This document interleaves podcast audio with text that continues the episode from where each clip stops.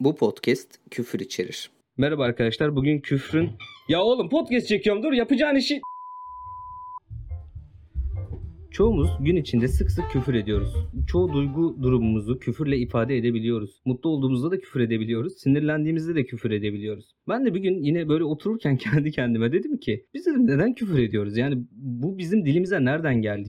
Gitmek, gelmek, koşmak gibi kelimelerin hepsinin bir kökeni var. Bunların da bir kökeni olması lazım. Yani birinin bir yerde ilk defa küfür etmesi lazım. Yani bazı insanlar da küfür etmiyor. Bizi birbirimizden ayıran şey ne? Acaba dedim insanlar ilk ne zamanlar küfür etmişler dedim. Karşıma birkaç bilimsel araştırma çıktı. Bunlardan ilki aslında biz küfür ettiğimizde beynimizin ortalarına doğru bir bölüm bulunuyor. Bu bölümde küfür ettiğimizde uyarılan sinyaller var bu sinyallerin olduğu bölüm hayvanlarda da olduğu tespit ediliyor. Yani aslında biz evrimleşmeden önce bile atalarımız küfürsel tepkiler verebiliyormuş. Bizim küfür ettiğimizde hissettiğimiz duyguların aynılarını hissedebiliyorlarmış. Tabii ki bizim gibi küfürler etmeseler bile yine de demişler ki küfür etmeseler bile yani sözsel olarak küfür etmeseler bile tepkisel olarak da küfürle aynı duyguları hissettiren şeyleri yapıyorlarmış. Bu benim çok garibime gitmişti. Bir insan küfür etmese bile küfür etmiş gibi hissedebiliyor. E bunun bir diğer örneği de bazılarımız der ki ben ağzımı bozmam ben küfür etmem. Tabii etmezsin güzel ama çoğu insanın da bazı metaforları vardır. Yani şöyledir senin ağzını kırarım der.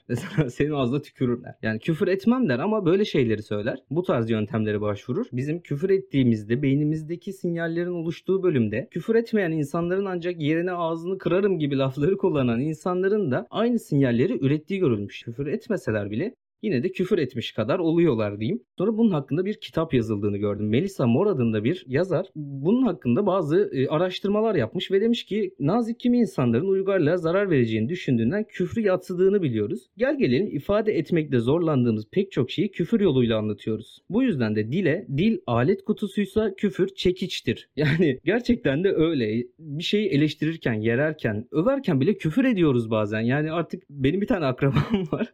Böyle çocuğu severken severken piç diye seviyor. Çocuğu niye öyle seviyorsun güzel kardeşim? E, küfrün her şeyden önce bir iç dökme eylemi. Küfür ederken aslında genellikle yoğun duygular yaşarız. Artık günümüzde küfür etmek çok böyle gündelik bir şey oldu. Artık yüklem olarak, özne olarak, her şey olarak küfrü kullanıyoruz.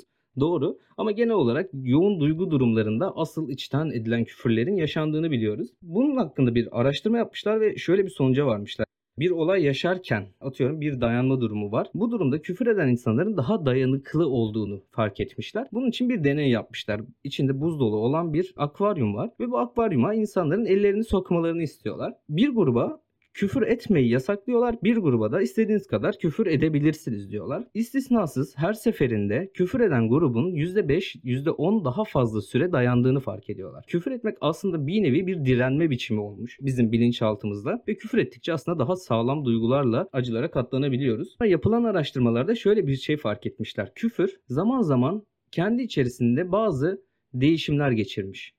Bu orta çağdan önce Roma döneminde küfür daha çok şu anki gündelik hayatımızda kullandığımız gibi hatta şu anki gündelik hayatımızda kullandığımız kadar kullanılıyor ve yine de yöntemler aynı. Yine cinsellik içeriyor. Hatta burada e, Ro, Melissa Moore diyor ki yani onların ettiği küfürler gerçekten eğlenceli küfürlerdi ve askeri gücüne atıfta bulunuyormuş genel olarak küfürler. E, böyle Latinceden Latince'de başlayıp aslında Avrupa'ya ve tüm Roma'ya yayılan küfürlere birazcık da değineceğiz bugün. Hatta şöyle bir şeye rastlanıyor tarihe bakınca. Tek küfredilen yer Roma değildi tabii ki. Orta çağda küfredildi. Günümüzde de küfrediliyor. Şunu fark ediyorlar. İncil'in içinde dahi küfür var. Önceden küfür olmayıp o zaman İncil'in içine yazılan şeylerin aslında küfür anlamı taşımadığı ya da küfür anlamı taşısa bile o kadar ağır kelimeler olmaması ancak zaman içinde o kelimenin evrilmesiyle beraber çok daha ağır anlamlara gelince e, İncil'i değiştirmişler mesela. Özellikle Latinceden İngilizceye çevrilen İncil'lerde bariz ve o gün için olmasa da bugün Galiz sayılan ifadelerin yer aldığını görüyoruz. Galiz de şu anlama geliyor. Kaba, çirkin ve ağza alınmayacak söz demek. Yalnızca İncil'le de sınırlı tutulamaz elbette. Orta çağdaki ilkokul ders ve tıp el kitapları, edebi metinler, kişi ve sokak isimleri de bugünün edepsiz kelimeleriyle doluymuş. Orta çağdaki en böyle ağır küfür e, Tanrı'nın kemiği demekmiş. Bu orta çağda aslında küfür der annemin üstüne yemin ederim, babamın üstüne yemin ederim diye terimlerimiz var ya bizim gündelik hayatımızda. Onlar da Tanrı'nın kemikleri diyorlarmış. E, bunun sebebi de Tanrı'nın aslında insan bedeni de olmaması ancak öyle ifade edilmesiyle beraber Tanrı insan olsun ki gibi bir anlamı var. Benim anladığım bu kadar büyük bir yemin olarak geçiyormuş. Ve Netflix'te karşıma bir belgesel çıktı. Nicolas Cage'in sunduğu bir belgesel bu. 6 bölümlük bir belgesel ve aslında Roma döneminden milattan öncelerden beri gündelik hayatımıza gelen küfürlerin incelemelerini yapıyorlar. Bu 6 tane küfür. Yani buradan sonrası birazcık argoya kaçacak. Belgesel şöyle başlıyor. Küfür kullanarak kes, kesebilir, sakinleştirebilir, keyif ve korku salabilir tahrik edebilir demiş. İlk kelimemiz fak. Yani fak kelimesi Türkçe'ye siktir diye çevrilebilir. 14. yüzyıla kadar da aslında bu kelime bir cinsellik anlamı taşımıyormuş. Bu kelimenin şöyle bir hikayesi var. Aslında çok garime gitmişti okuyunca. Çok da doğru mu değil mi emin olamadım. Kelime şöyle. Bir yerde bir tane kral var. Kral diyor ki benim ülkemdeki kimse benim iznim dışında sevişemez. Tamam güzel. Bunun hakkında bir ferman yayınlıyor. Ferman da başlığı şu. Fornication under consent of the king. Bunların baş harflerine baktığımızda fuck kelimesi oluşuyor. Bunun Türkçesi de şu. Kralın izni altında yapılan zina. Türkçe böyle çevirebiliriz. Böyle insanlar sevişirken gidiyor işte fermanı gösterecek kişi ulak mı denir artık bilmiyorum ulak haberi götürendi sanırım. E, gidiyor böyle gösteriyor diyor ki işte ferman var sevişemezsin fermana bakıyorlar. Fermanda fuck yazıyor. Böylelikle sevişmenin e, siktirin kelime anlamı fuck olarak kalıyor. Etimologlara göre de şöyle bir varsayım var. Fuck kelimesi Fele, Felemenkçedeki vurmak anlamına gelen dag kelimesinden evrildiği düşünülüyor. Yani böyle iki tane teori var fuck kelimesiyle alakalı. Bitch kelimesi binli yıllarda çiftleşme dönemleri gelen köpekler için kullanılıyormuş. Ancak zamanla işin içine her zaman olduğu gibi biraz cinsellik katan insanoğlu 1400'lü yıllara doğru seksi düşkün kadın anlamında kullanmaya başlamış. Bunun ardından da kontrol edilemeyen kadın anlamını kazanmış. Şimdilerde güçlü ve girişken kadın anlamında kullanılıyor ama bu daha çok kadınlar arasında birbirlerine söylemek üzere kazanılmış bir anlam. Ardından dik kelimesi geliyor. Dik kelimesi erkek cinsel organı demek. Bu çok eskiye dayanan bir kelime. Daha öncelerden Richard'ın rich'ten dik anlamında kısaltmasıymış. İsimlerin kısaltmalarıyla hitap ediyorlarmış. Yani Robert'a Rob diyorlar mesela. Nasıl Robert'a Rob diyorlarsa Richard'a da Rich diyorlar. Bu zamanla dik anlamına dönüyor. Hatta Avrupa'da, Amerika'da hala ismi 80-70 yaşındaki amcalara bakarsanız Richard olan insanlar var. Dick olan, Rich olan insanlar var. Artık bu isimler verilmiyor genellikle. Daha sonra atlara falan bindiklerinde kamçılamak için kullanılan alete dik demişler. Daha sonra bu dikin aslında tutulan yerinin erkek cinsel organını andırmasından dolayı da hadi bu buna benziyor biz de buna bu diyelim madem deyip dik kelimesini erkek cinsel organı olarak anmaya başlamışlar.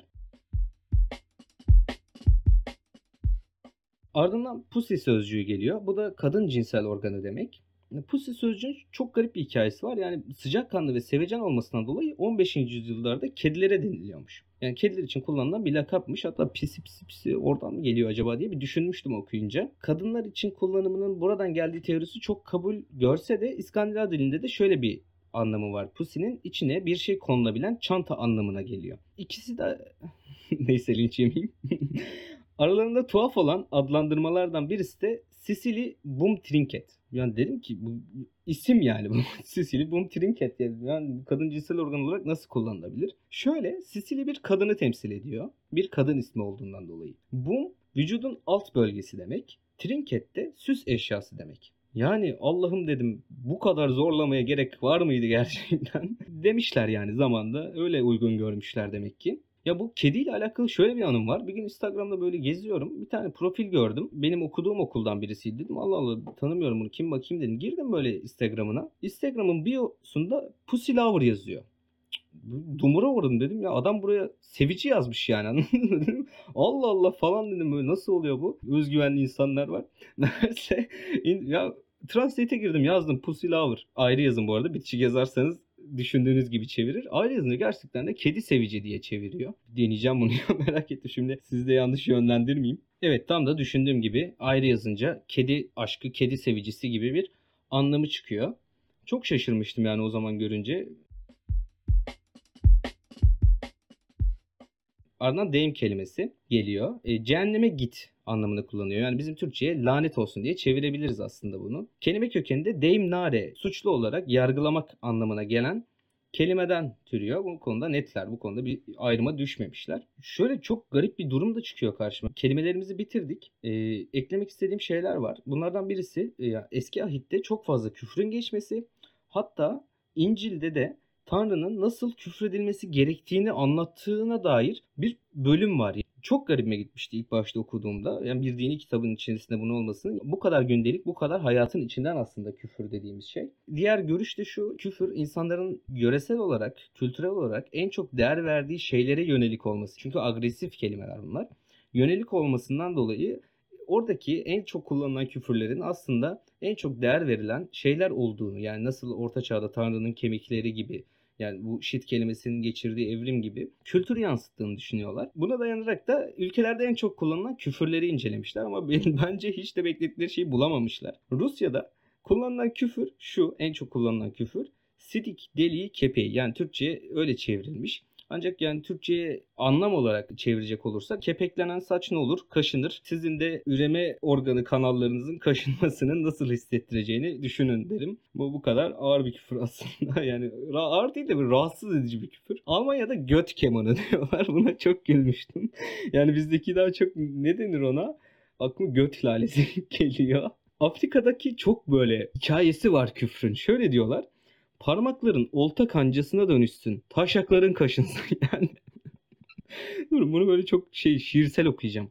Parmakların olta kancasına dönüşsün ve taşakların kaşınsın. Son olarak kalbimizi, aklımızı ve kıçımızı kaybetmediğimiz sürece küfürler kullanışlı olmaya devam edecektir ve bölümümüzün sonuna geliyoruz. Tekrar görüşene dek iyi ki varsınız.